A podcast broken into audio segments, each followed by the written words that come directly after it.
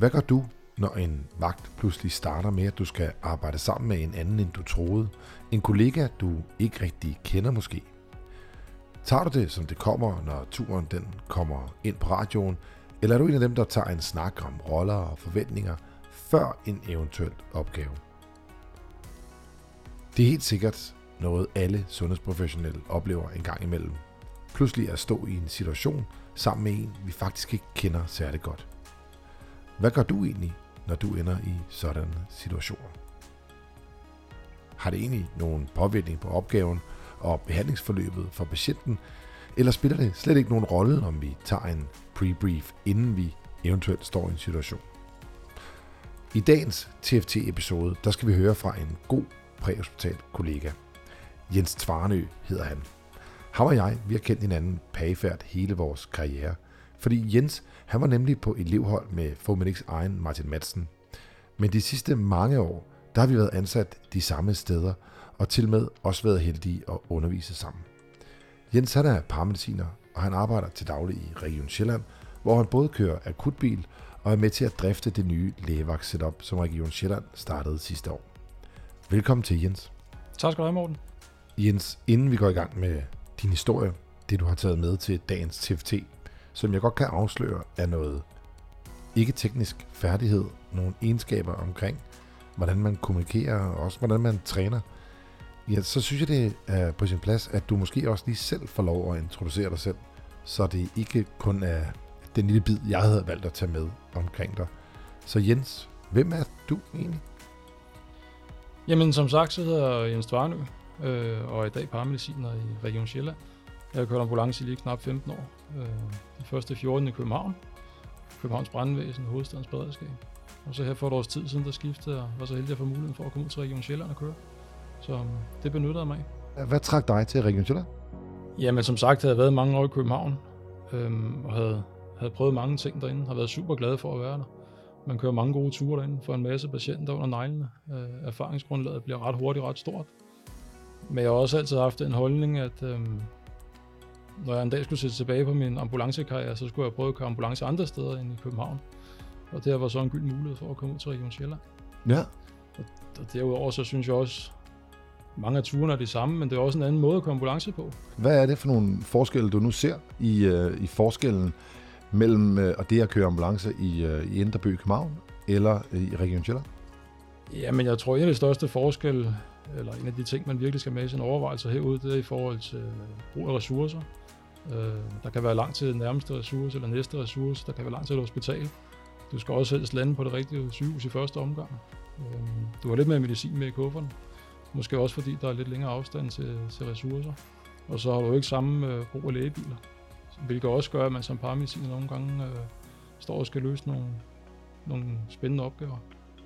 Ja, der kan være tusind grunde til, at der er flere eller færre lægebiler. Øh, men som vi to også, når vi privat taler om, så handler det jo ikke så meget om, hvem der laver reglerne, men om man vælger at arbejde et sted, hvor der er nogle spændende udfordringer. Og det synes jeg jo også, der både er i København, nu også i Sjælland. Absolut. Er du glad for at være landet der i det punkt, du er lige nu i din karriere i Region Sjælland? Det synes jeg, jeg øh, Som sagt var jeg super glad for at være i København. Jeg er også glad for at være i Sjælland. Det er nogle andre overvejelser, som sagt, man skal bruge. Øh, I København, der var det jo oftest, hvis folk var rigtig syge, så skulle de som regel på Rigshospitalet. Ja. Det kan stadig være, at de skal det, men nogle gange herude, så skal du overveje, hvad kan bedst betale sig? Er det at køre dem, eller skal man køre til nærmeste sygehus for at få stabiliseret, eller skal du bruge hems, eller...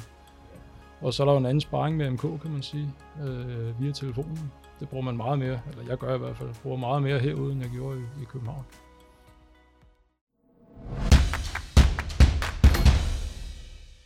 Du har meldt dig, eller sagt ja til at være med i en af de her episoder, som jeg har valgt at kalde for TFT, eller lidt længere tanker for turen. Og øh, da vi talte om det, der endte vi med at give det sådan en, en, en lille blød overskrift, der hed brug af ressourcer og brug af sit team. Så Jens, inden at du øh, fortæller hele historien, kan du så lige kort fortælle i en øh, lille opsummering, hvad er det egentlig, vi skal høre om øh, i dag? Ja, jamen vi skal høre her for nogle måneder siden, øh, hvor jeg møder ind på en station i Region Sjælland, hvor jeg ikke har været før. jeg møder en marker om morgenen, som jeg heller ikke kender. Jeg har aldrig set manden før. Øh, jeg ved ikke, hvad han hedder eller noget som helst. Og vi skal så køre sammen på den her ambulance i dag. Og vi kører en tur om morgenen og kommer tilbage på stationen. Og da vi så kommer tilbage, så står der så en, en pige i en observatørjakke, og Ja. vi henvender os selvfølgelig til hende og spørger, hvem hun er og så videre. Og det viser sig så, at hun er medicinstuderende. Ja. Og på den station, jeg nu engang var sendt hen til, der er vi to biler. Og hun skulle egentlig have kørt på den anden bil, øh, men de får så en sygetur om morgenen, så der vælger hun at sige, at det, hun vil gerne blive, og se om der kom noget mere akut. Mm. Så hun står der, og vi præsenterer os og siger, at vi hedder Jens, og min makker præsenterer sig også. Og inden vi egentlig når meget længere end det, jamen, så får vi så en kørslet øh, til hjertestop, for at vide, er første bil. Okay. adressen. Ja. Så fik hun sin tur, der var lidt mere akut. Så fik hun sin tur, kan man sige. Så blev hun kastet i ilden øh, fra starten af. Øhm, ja. Så, øhm, så vi øh, får hende selvfølgelig med i bilen og, og sætter kursen øh, mod det her hjertestop, som er en 5-6 km fra stationen, så vi har forholdsvis kort kørevej, og for at vide, at vi er første bil, som sagt. Og fra at være to på bilen, så er vi lige pludselig tre. Og så er det ligesom, der casen går ud på, det er at bruge ressourcerne bedst muligt.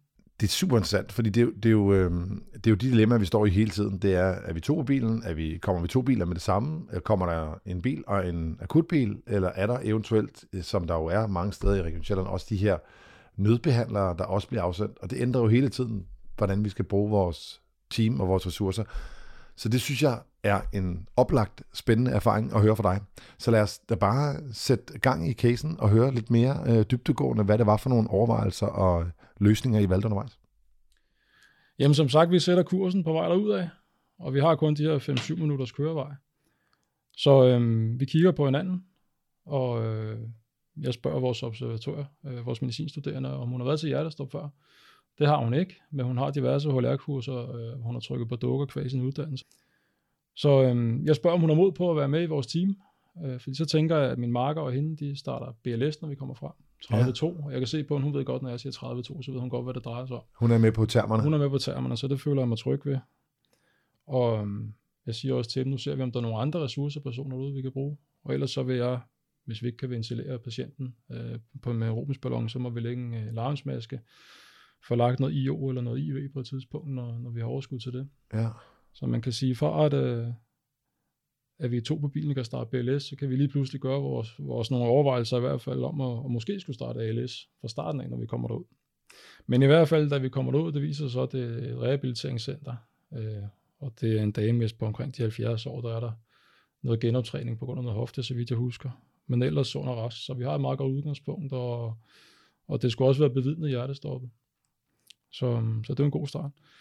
Det viser sig så også, at der er nogle rigtig gode øh, plejere derude, nogle gode ressourcer. Øh, nogle har bevidnet, der har fået fruen ned på gulvet og startet kvalitetshold, det ser fornuftigt ud. Ej, så arbejder vi jo lige pludselig med en patient med en super god prognose, øh, når der både har været bevidnet og også øh, en, en god, øh, god first responder øh, genoplevningsforsøg. Øh, forsøg. så det synes jeg lyder rigtig godt. Det var et godt ud- udgangspunkt at have. Øh, nogle har også hentet en AED og haft den på. Der har så ikke været stødbar rytme, så vidt jeg husker, men de havde i hvert fald gjort, gjort fuldstændig, som man skulle. Så stor ros til dem. Da vi kommer derud, som sagt, så viser det sig, at hun har hjertestop. Øh, og vi tager så over. Øh, de er ved at være trætte, de her, de Ja. her stakkels hjemmeplejer. Så vi tager over, og observatøren starter øh, hvad hedder det, kompressioner, og min marker starter ventilationer. Hun er så lidt svær at få luft i, så vi får lagt en, en god velfungerende larmsmaske Ja, og får også lagt en IO, og kan starte vores, medicinering op der. Og efter nu, jeg kan ikke huske, om hun får et eller to sted, øh, så får hun så rosk. Ja. Vi får også tidligere i forløbet øh, kaldt den anden ambulance, øh, som der kommer. Og det, nu er vi jo som sagt tre, øh, men når vi skal køre med den her patient, kunne jeg egentlig godt tænke mig selv at være i borgerrummet. Jeg var den eneste PM'er på adressen på det tidspunkt. Og jeg synes heller ikke, der var fair over for vores medicinstuderende at slæve hende med i borgerrummet, når man Nej, ikke kender nej, nej, udstyr og så. Så der vil jeg gerne have nogen med, der, der trods alt kender bilerne. selvfølgelig. Ja. Så, øhm, men hun får i hvert fald også patienten på adressen, og vi får evakueret til, til ambulancen. Og det er forholdsvis tæt på, hvor vores, hvor vores pitbil, som den hedder her i Region Sjælland, en af lægebilerne, de holder. Så vi ringer også til dem og spørger, om de vil komme og kigge på patienten. Ja. Og det vil de gerne. De kommer også forholdsvis kort tid efter. Øh, de vælger så ikke at gøre yderligere, fordi vi kan ventilere så godt på den larmsmaske, som vi kan. Det ender med, at vi afleverer patienten på sygehuset, hvor vi ventilerer på larmsmasken, men, øh, men patienten har egen cirkulation. Okay. Så, Så øh, et textbogs eksempel på en, øh, en god genoplevning med i hvert fald som udgangspunkt en, øh, en, i det korte perspektiv en, en, en, en god prognose. Ja, det kan man sige. Øh, vi var også heldige at have masser af gode ressourcer, og vi var heldige at have en masse folk omkring os, vi kunne, vi kunne bruge til noget. Og det leder os jo hen til det her, som jo er hele essensen med vores øh, lille podcast-serie, om at høre, hvad det var for nogle tanker, du gjorde dig for turen. Fordi det lyder jo som et hjertestop, en case, som de fleste sikkert har været i, hvor man kommer frem og skal starte nogle procedurer op. Men det er ikke selve hjertestoppet, der var det interessante for dig her. Det var de tanker, som der lå bagved. Øhm, du snakkede om, at du lavede en eller anden form for samtale undervejs i bilen på vej derud, og, og ligesom undersøgt markedet, kunne man sige. Hvad, hvad, for nogle, hvad for nogle ting har jeg i indkøbskurven? Hvad, hvad, hvad var det, du gjorde undervejs? Jamen på vej derud, vi har som sagt øh, forholdsvis kort kørevej, så det er noget med lynhurtigt at få lavet en, en, øh, en kort øh, pre-briefing, og lige høre på folk, hvad kan vi bruge de forskellige ressourcer til. Nu havde vi, var vi så heldige at have medicinstuderende med, der havde modtaget undervisning i HLR, øh, men aldrig havde prøvet det rigtigt før. Men jeg kunne mærke på en ret hurtigt, hun var, som du selv siger, hun var bekendt med termerne, Ja. og var tryg ved dem. Men stadigvæk, når man så lander derude, og man ligesom kommer i gang, så er det jo stadigvæk noget, man lige skal kvalitetssikre. En ting er, at man kender begrebet 30-2, men man skal ligesom også lige... Ja, ja, klart. Ja, det skal, der skal ligesom også være noget kvalitet bagved, men det var der. Så man kan sige, læring af den her case, det er jo, at man skal så vidt muligt lave en god, øh, en god plan på vej til patienten. Og det er jo lige meget, om man kører til hjertestop, eller man kører til alt muligt andet. Øhm, personligt gør jeg ofte det, øh, hver erfaring og diverse kurser, jeg har været på, det er at tænke worst case. Altså, Ja. Øhm, jeg plejer altid at bruge eksemplet, når jeg selv underviser. Hvis du kører til feberkrampebørn, så forbered dig, hvad du skal give af stesolid eller midazolam, eller hvad det kan være. Men forbered dig også på, hvad du skal give af adrenalin. Hvor Ja. meget barnet vejer. Hvor mange joule du skal støde med. For nogle gange, så er det ikke feberkramper, så er det noget, der er endnu værre. Øhm, og så bliver du taget med bukserne nede, hvis du ikke har, har forberedt dig ordentligt. Og det tager ikke, øh, det tager ikke så lang tid, som, som man måske kunne forestille sig, det gør. Eller det handler vel bare om, at man, man skal blive okay med, at man taler om det, og ikke, øh, der kan være nogen måske, der synes, at man, at man skal lære det lidt for meget op ved at tale om hjertestop på vej til feberkramper, men kognitivt, som vi jo kalder det i undervisningssprog, at vi, så betyder det noget for din, øh, din hjernes tankemønster, at man har nævnt det på vej derud. Jamen absolut. Øhm, og jeg ved også af egen erfaring, de der få gange, hvor det så ikke er feberkramper, men der er noget andet, så priser du dig selv lykkelig for, at du har gjort det. Ja. Hvis du selv har performet godt, men turen måske ender ikke så, så godt, jamen så kan du bedre selv acceptere og kapere det, fordi du har gjort, hvad du kunne, og du har forberedt dig ja. godt. Det er, Så- så... det er jeg helt enig med dig i.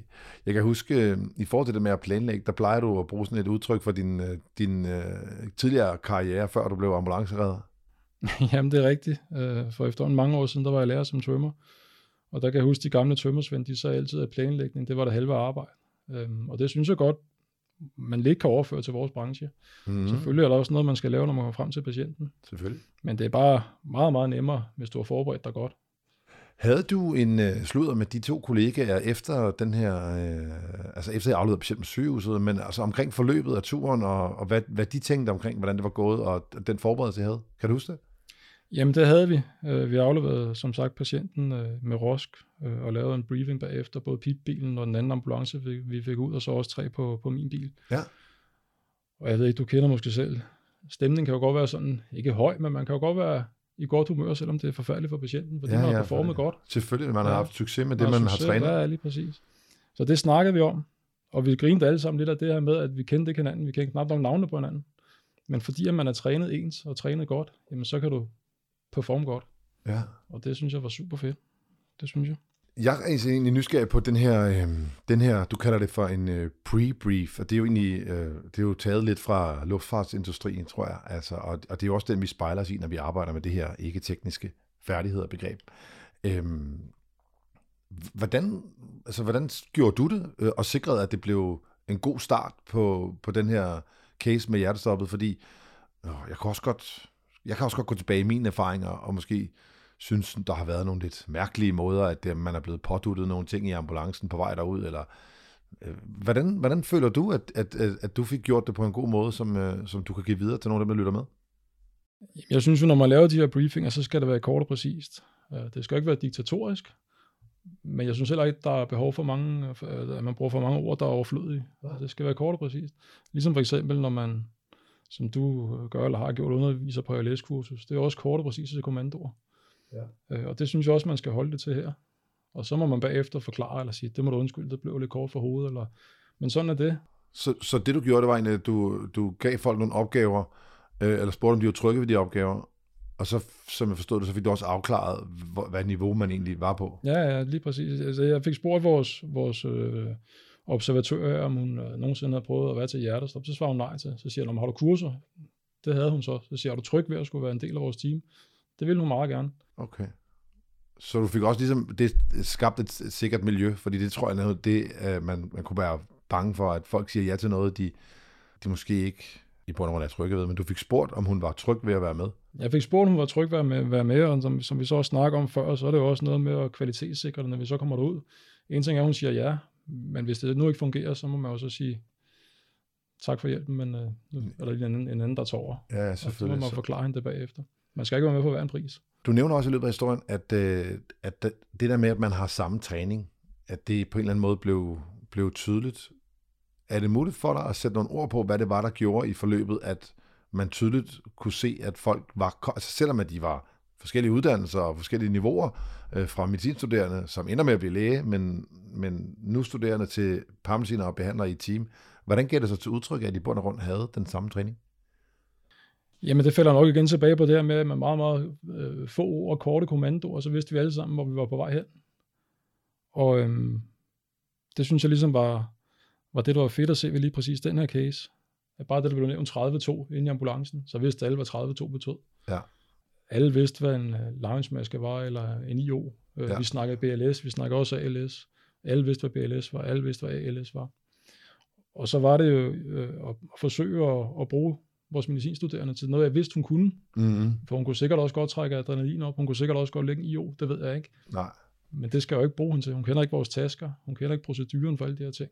Men jeg vidste, at hun kunne trykke på, på patientens brystkasse.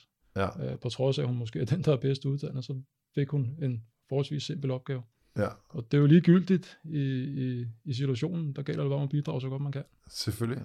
Det synes jeg er et super godt eksempel, fordi det, det, det, øhm, det er jo muligvis noget af det allermest simple, vi kører til hjertestop. Ikke? Det, det er jo noget, der er procedurebelagt, algoritmebelagt, og hver person får en eller anden lille rolle. Så, så kunsten er vel at få, få det team til at, at performe så godt som muligt med de simple opgaver, der ligger derinde. Lige præcis, ja.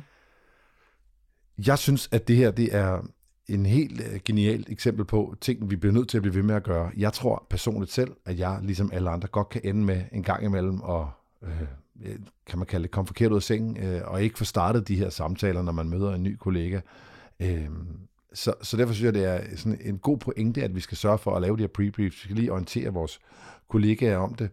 Jeg, øh, jeg, jeg kunne egentlig godt tænke mig sådan at spørge dig sådan helt uforberedt om et andet spørgsmål, der ligesom betyder det, øh, er, er det dårligt, øh, at man nogle gange får en ny station, en ny marker? Øh, er det dårligt for kvaliteten, øh, sikkerheden? Hvad er dine tanker, når man møder op på en station, og man tænker, okay, jeg er lige blevet flyttet, der mangler en barmensiner, eller jeg, jeg er blevet mødt ind her, fordi at, øh, der er en ferievagt, eller hvad det nu kunne være. Og så møder man ind på et hus, man ikke kender, men marker, man ikke kender. Hvad, hvad tænker du om de tanker, der, der foregår i forbindelse med det? Jamen, det, det, det ved jeg ikke. Der er nok både fordele og ulemper ved det. Øh, personligt har jeg kørt med den samme marker i snart seks år, tror jeg, og vi er meget trygge ved hinanden. Mm. Men omvendt kan jeg også godt lide, når han har ferie, eller jeg bliver sendt væk, eller vi bliver splittet, eller hvad det kan være. Fordi det rusker også lige op i en selv en gang imellem. At man er nødt til lige at tage stilling til en ny person. Øhm, også igen, hvis det er dig, der har højeste kompetence på bilen. Ja. Spørg ind til, hvor er du henne? Øh, den elev, du kører med, hvor langt er du? Er du tryg ved de her ting? Er du tryg ved de her ting? Ja, ja. Bryde isen måske? Bryde isen. Som ja. udgangspunkt er min holdning, at dem, jeg kører med, øh, hvis de har lavere kompetence end jeg, så må de det hele. Bare vi lige kigger hinanden i øjnene, mm. og lige snakke om det. Ja.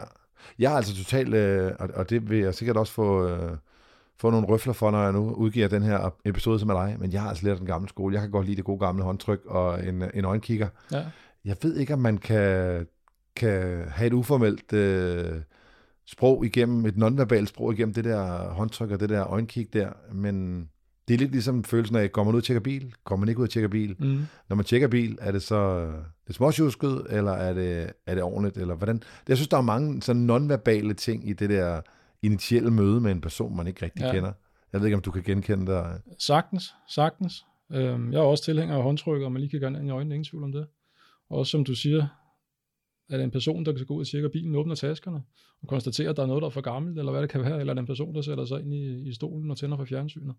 Ja. Øhm, det. Og vi er jo sikkert alle sammen den, altså begge personer en gang imellem, fordi vi er jo aldrig den bedste version af os selv hver eneste gang. Men når man møder en ny person, så synes jeg alligevel, der er nogle, nogle sjove nonverbale ting i det element der. Jeg har en anden, øh, et andet øh, lille note, jeg lavede undervejs i det her. Øhm, jeg ved, at både Region Sjælland og Region Hovedstaden, og til jer, der kommer fra, fra den vestlige del af Danmark, eller fra, øh, fra det smukke ø-land i midten ved Fyn og, og Sydhavsøerne, så må I have mig undskyldt. Men jeg ved i hvert fald herover, der har vi det her samarbejde med de medicinstuderende, hvor de kan, de kan vælge sådan et præhospitalt forløb i løbet af deres semester, hvor de kommer ud og kører med, og vi har dem så med på en dag som observatør. Hvad, hvad tænker du om, om det samarbejde, der ligger i, at de medicinstuderende kan komme ud og være en del af ambulancetjenesten som observatør et par dage i løbet af deres studie? Jamen, jeg synes, det giver super god mening. Øh, det er jo en af vores tætteste samarbejdspartnere, det er jo akutmodtagelserne. Så er det så ikke alle de læger, der er med at køre øh, hos os, der ender der, men de har i hvert fald en idé om, hvad det er, vi kan. Og nu kan man sige, at den studerende, vi havde med, hun rendte så også lige på en rigtig god dag, kan man sige, var halvt spillet. Yeah. Men hun synes, det var fedt at se, og hun var faktisk imponeret over måden, vi greb tingene an på, og alt det udstyr, vi havde med. Så um, det tror jeg ikke, hun glemmer. Jeg tror, hun går tilbage med en god følelse øh, på hendes studie, og når hun da er færdig lærer at kommer ud på sygehus, så tror jeg, der er en anden, øh, en anden respekt omkring det præhospitale, fordi de selv har været med. Så... Øhm, det er nemlig lige præcis det, jeg havde lyst til at tale om, for jeg tror faktisk, at, øh, at der, er, der er en god øh, pointe i det her med at udvækste en lille smule mere, og i de her drifttider, hvor vi alle sammen mangler personale i ambulancetjenesten, og sygeplejerskerne og lægerne, og også på sygehusene, så har vi ikke rigtig tid til den del mere. Jeg kan i hvert fald sige, fra den østlige del af Danmark, der ligger der kun i, øh, i det, vi kalder for KBU-uddannelsen, altså den kliniske basisuddannelse for læger, et oplæg på 30-45 minutter, hvor de får introduktion til, hvad redderuddannelsen, ambulancebehandler og paramedicinuddannelsen er, og hvad for nogle ting vi har med. Og det er udelukkende som et oplæg, uden nogen samarbejdsøvelser. Og jeg, jeg er ret overbevist om, at lige i den der fase, hvor man bliver nyuddannet læge og skal ud og stå på egne ben på et hospital, der fylder det ikke særlig meget, hvad ambulanceredderne i bund og grund kan. For det ansvar, man nu skal ud og have på hospitalsafdelingerne, er rigtig stort.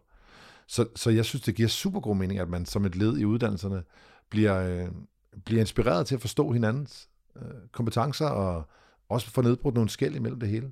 Så jeg synes, det lyder som en fed ordning, og du har jo i hvert fald været med til at bidrage til, at, at nu har vi endnu en god ambassadør for vores fag den anden vej. Det håber jeg, og man kan sige den anden vej, øh, hvad vi to og alle vores kolleger ikke har rendt rundt på diverse hospitalsafdelinger gennem øh, både elevtid og efteruddannelse osv., men det giver da god mening, at de også kommer en anden vej.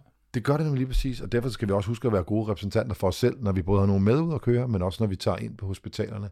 Fordi om vi selv får en masse med den enkelte dag, så har vi jo stadigvæk en repræsentant for det fag, så derfor vil den, det aftryk, vi den enkelte dag efterlader hos nogle kollegaer i hospitalet, jo afføde, hvad de tænker om, ikke måske hele faget, men det vil være en klods i, i hele den forståelse, de har af, af os. Jeg har en enkelt ting, jeg vil øh, spørge dig om her, Jens. Det er ikke noget, der var en del af din case, men jeg synes, den, øh, den lægger op i forhold til det her med prebrief og, øhm, og erfaringer i forbindelse med hjertestop, som jeg synes er interessant.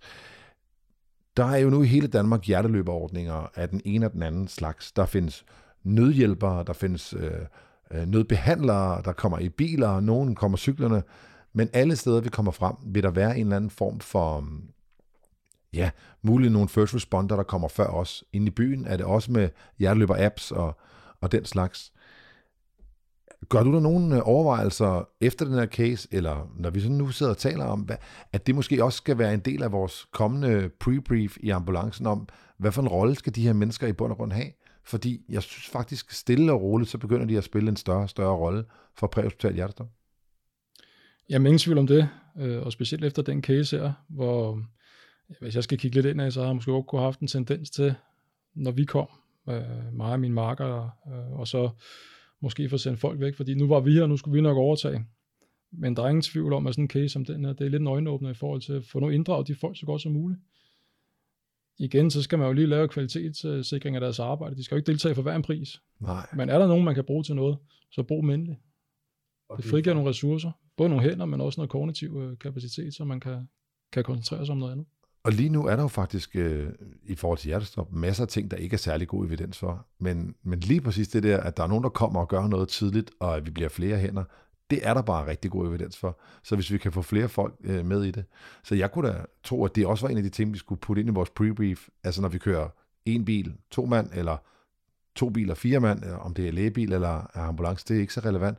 Der er nok nødt til at være en, som bliver mere eller mindre også ansvarlig for, for hjerteløbere, eller ansvarlig for first responder, sådan så man får kvalitetskontrolleret, samlet op på dem og, og vurderet med dem, fordi ellers så bliver de måske lidt en, som du siger, en, en prik, man skubber væk.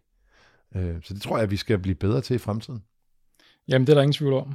Øhm, og det er da noget, jeg vil gøre fremover. Sige til mine marker, når vi kører til hjertestop, eller andre ting, hvor der er sendt yderligere ressourcer med, så måske lige tage en kort snak om at sige, hvad kan vi bruge dem til derude? Har du nogle idéer? Har jeg nogle idéer? Ja, præcis. Så rigtig god pointe. For de kan jo være med til at løfte, ligesom den medicinstuderende var her, niveauet fra BLS til ALS, eller være frie hænder til en luftvej lidt tidligere. Ja. Som med de andre episoder af TFT, Tanker fra turen, så plejer jeg altid at bede vores gæst tage nogle refleksioner med i en kort opsummering her til sidst. Så derfor vil jeg spørge dig, Jens, hvad er de læringspunkter, du vil uddrage af den her case? Ja, men altså, jeg har altså, som udgangspunkt to, og jeg synes, vi har været lidt inde på den ene. Det er jo netop der med at spille sit team gode, og bruge nogle af de ressourcer, som man kan. Ja. Uh, det behøver ikke være medicinstuderende eller uddannet ambulancepersonal. Det kan også være uh, vidner, bystanders, alt muligt. Uh, det må være den ene. Bare husk at kvalitetssikre det, de laver. Ja, selvfølgelig Ja, skal ja. have overskud til det. Ja. Og så er vores træning virker. Det var noget af det, jeg synes bagefter øh, den her case, vi har snakket om i dag. Og også noget af det, jeg stod selv og, og egentlig grinede og smilte der bagefter. Det var, at vi kendte nærmest ikke navnene på hinanden. Men vi kendte termerne. Og øh, kunne derfor yde øh, øh, øh, rigtig godt, øh, ja, rigtig god genoplevelse for patienten. Og det synes jeg var lidt sjovt faktisk.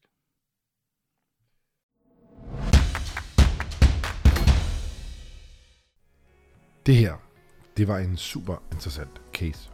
Ikke på grund af, at det var et hjertestop. Ikke på grund af, at det gik godt. Ikke på grund af, at det var en medicinstuderende, eller det var Jens. Men fordi, at der er så mange pointer, vi kan tage med herfra. Jens, tusind tak, fordi du havde lyst til at dele din case med mig og hjertelytter med. Se, ofte kan det være svært at vide, hvad man egentlig kan tage med fra sådan en historie eller en case som den her. Derfor så vil jeg forsøge at opsummere lidt af de tanker, som jeg fik, da jeg hørte Jens fortælle den her TFT-historie. Jeg er også interesseret i at høre jeres tanker, så skriv endelig i kommentarsporet på de sociale medier, på bloggen, eller send os en mail. Så Jens fortæller, at træning virker. Det er der nok ikke noget odiøst i, eller noget, som I alle sammen bliver helt blown away af at høre. Det kan vi nok godt regne ud. Træning virker. Men se, det som er helt utroligt fantastisk ved Jens historie, det er, at det beviser, at ved kontinuerlig rutinering og træning, så skal der ikke særlig meget til for at få et team til at spille. Det er ikke nok kun at træne det praktiske og de praktiske færdigheder. Jens anvender også hans ikke-tekniske færdigheder ved at lave en pre-brief, inden de ankommer til adressen, for at skabe en ramme for, at dette ukendte og helt nye team kan performe så godt, som det overhovedet er muligt. Jeg har efterhånden kørt ambulance i mange år. Hørt mange forskellige holdninger til det om at lave en lille pre-brief. Er det nødvendigt, eller kan vi godt klare os uden? Og ja, det er måske nok ikke nødvendigt hver eneste gang. Men jeg tror på, at man ved regelmæssig anvendelse af en pre-brief og på de relevante ture, ja, så kan I ligesom Jens få succes, selvom forudsætningerne ikke altid er perfekte. Der er flere forskellige modeller, man kan tage i brug, når man skal lave en pre-brief. Der er også udviklet algoritmer og flere andre løsninger. En af de foam-ressourcer, der også har berørt emnet, er vores venner i England fra The Resource Room. De lavede tilbage i maj 2022 en episode, der hedder Leadership and Followership i serien Roadside to Resource. Her taler de en case igennem fra start til slut, og hvor det handler om, hvordan man skaber et team, hvordan vi udvikler vores lederskaber, og ikke mindst så sætter de fokus på en ny og væsentlig ting, nemlig followership. Vi skal nemlig alle sammen være gode til at være teammedlemmer, og vi skal lære at følge med og byde ind. Men der findes faktisk et værktøj til netop det her. Et værktøj, vi helt tilbage i Fomedics spæde start delte på bloggen, efter vi havde hørt den australske læge, som har beskrevet det, tale om det på Odense Universitetshospital. Det handler om det med at forberede sig, tjekke ind med teamet, og det hedder Zero Point Survey, og har et akronym, som hedder STEP UP. Det er et værktøj med et udkast til de ting, man bør tjekke ind med inden en tur, i starten af en vagt og ved første patientkontakt. Step Up det står for Self-Check, altså hvordan har du det fysisk, og hvordan er dit kognitive parathedsniveau på dagen. Tid står for Team. Hvem er teamleder, og hvilke andre roller skal allokeres, og er teamet blevet briefet på opgaven. E står for Environment. Vi bør tænke over, om der er fare der, hvor vi kommer hen. Er der støj? Er der for meget eller for lidt lys? Eller er der masser af vidner og store forsamlinger? De næste tre, de handler om selve resuscitationen, når man er landet på stedet. P'et i STEP, det står for primær gennemgang. Efter primær gennemgangen, så skal vi komme til U'et, som er update. Del jeres opfattelse af patientens tilstand med hinanden i teamet, så alle er på samme niveau. Og det sidste P, det står for prioriter, og i prioriteringen, der skal man identificere de væsentligste mål, vi skal gå til først, og så skal vi lægge en plan for forløbet.